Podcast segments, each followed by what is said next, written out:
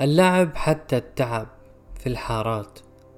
حكايات الجدة الممتعة وخبز الطابون الدراسة الجامعية أصدقاء المدرسة والاستماع إلى أغاني أم كلثوم وعبد الوهاب والسهرات العائلية.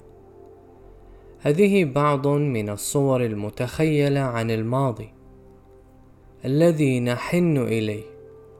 فكل ما هو ماض جميل لكل من يتذكر أحداثا ممتعة حصلت فيه. وأحيانا يتعدى إلى تمني العودة إلى ذلك الزمن والعيش فيه. فالمريض يحلم بصحة سليمة والمغترب يحن لرائحة تراب الوطن والعيش وسط الأهل الذين يشتاق إليهم. وكثير منا يحلمون برؤية أحباء رحلوا عن هذه الدنيا. ولكن لماذا كل هذا الحنين؟ ولماذا يرقص فرحا من يتجول في أحداث الماضي وحكاياته؟ أنا محمد صباح وهذا بودكاست نحكي شوي. في هذا البودكاست راح نتناول مواضيع مهمة جريئة أحيانا مزعجة.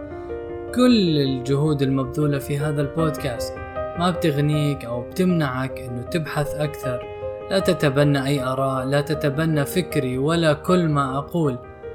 خلينا نحكي شوي. يجيب الدكتور عمار التميمي بقوله إنه الحنين للماضي المثالي حيث الدفء والشعور بالأمان والتلاحم الأسري والوجوه الجميلة بلا مساحيق. تلك الصور العالقة بذاكرتنا بما تحمله من تفاصيل الطفولة والأصدقاء والجيران وأهل الحي ومدارسنا العتيقة وأساتذتنا الأجلاء الذين ما تزال صدى أصواتهم قابعة في آذان معظمنا. فبالرغم من جدية وقساوة بعضهم إلى أنهم كانوا يمنحون شعور الأبوة الصادقة وحس المسؤولية كانوا يحملون رسائل وأمانات لجيل كامل يحن لتلك الأيام وذكراها الخالدة ويشير التميمي أيضا إلى أن هذه الظاهرة تسمى نوستولوجيا أي الحنين للماضي المثالي. وهذه الظاهرة كان ينظر لها على أنها مرض نفسي. بينما يراها الدكتور التميمي أنها وسيلة تكيفية واستراحة من شقاء الحاضر. فهي وسيلة دفاعية يوظفها الفرد لتحسين مزاجه وتزداد في حالات الشعور بالملل والوحدة. لكن ماذا لو علق الإنسان بماضيه؟ إن العودة للماضي بكل صوره وتفاصيله الجميلة يساهم في تجميل رؤية الواقع أو على الأقل التكيف معه. لكن لو علقنا بالماضي كليا فقد يعني ذلك أننا ننكر الحاضر. وكأن الزمن تسمر أو أصبح لدينا ثبات نفسي أي التوقف عن النمو بسبب فرط الإشباع أو قلته. لذا فالنستولوجيا إذا حلت مكان الحاضر فهي تعني أن الإنسان لا يستطيع العيش فيه وربما ينزوي عن مجتمعه وبيئته وهذا يجعله يشعر بالغربة والوحدة وحتى لو كان محاطا بالآخرين.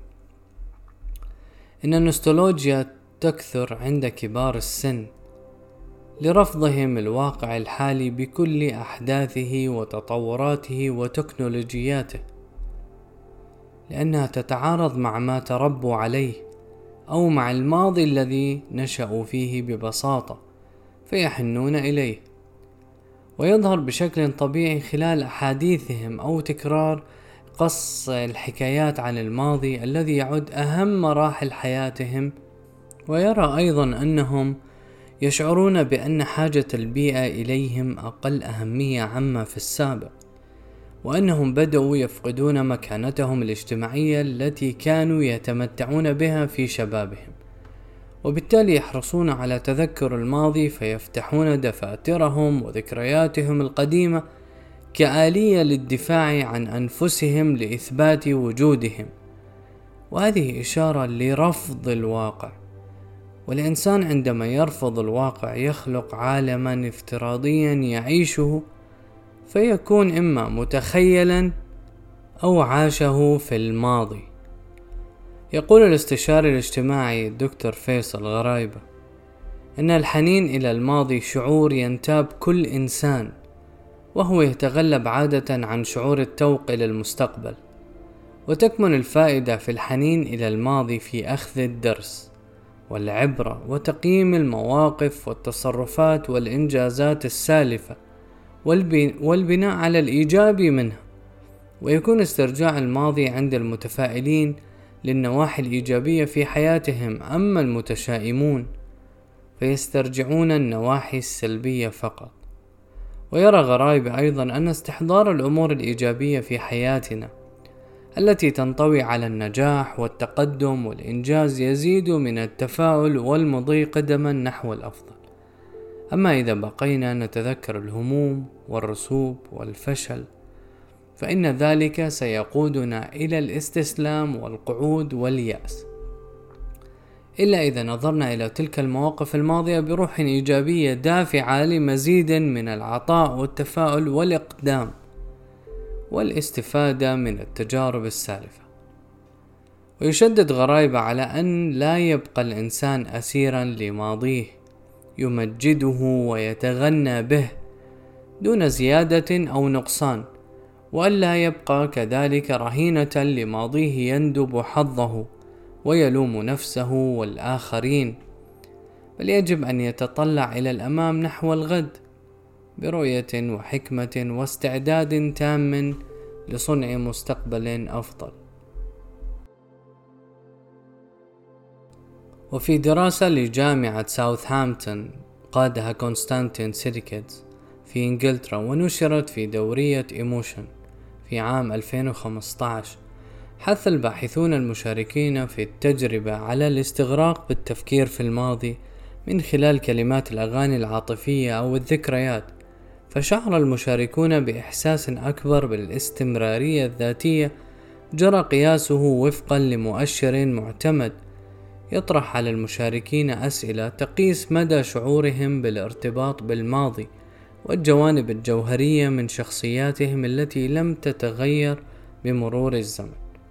ووجد الباحثون أن الشعور بالحنين للماضي يعزز من الإحساس بالاستمرارية الذاتية عن طريق زيادة الإحساس بالترابط الاجتماعي. إذ إن الذكريات العاطفية غالبا ما تضم أحباءنا وهو ما يمكن أن يذكرنا بشبكة اجتماعية تمتد لتشمل الكثير من الناس عبر العديد من الفترات الزمنية. وقد لاحظ تيم والتشوت أحد المشاركين في الدراسة من جامعة ساوثهامبتون أن هناك الكثير من الطرق التي يشعر الناس من خلالها بالحنين للماضي ومنها النظر إلى الصور أو طهي وجبات معينة أو مشاركة قصص الذكريات أو عزف الموسيقى. ويصف وايلشوت هذا الشعور الذي نمر به بصورة طبيعية عدة مرات في الأسبوع بأنه استجابة مناعية نفسية تحدث عندما تواجهنا بعض عقبات الحياة. لذا إذا شعر الإنسان بأنه مضطرب قليلا في موسم الأعياد مثلا بإمكانه اصطحاب نفسه إلى رحلة إلى الماضي مستعينا بألبوم صور الذكريات. وأظهرت دراسات أخرى أجرتها جامعة ساري في جالدفورد جنوب لندن مؤخرا. أن الحنين إلى الماضي يعطي شحنة إيجابية لدماغ الإنسان على اعتبار أنه يحرك عواطفه.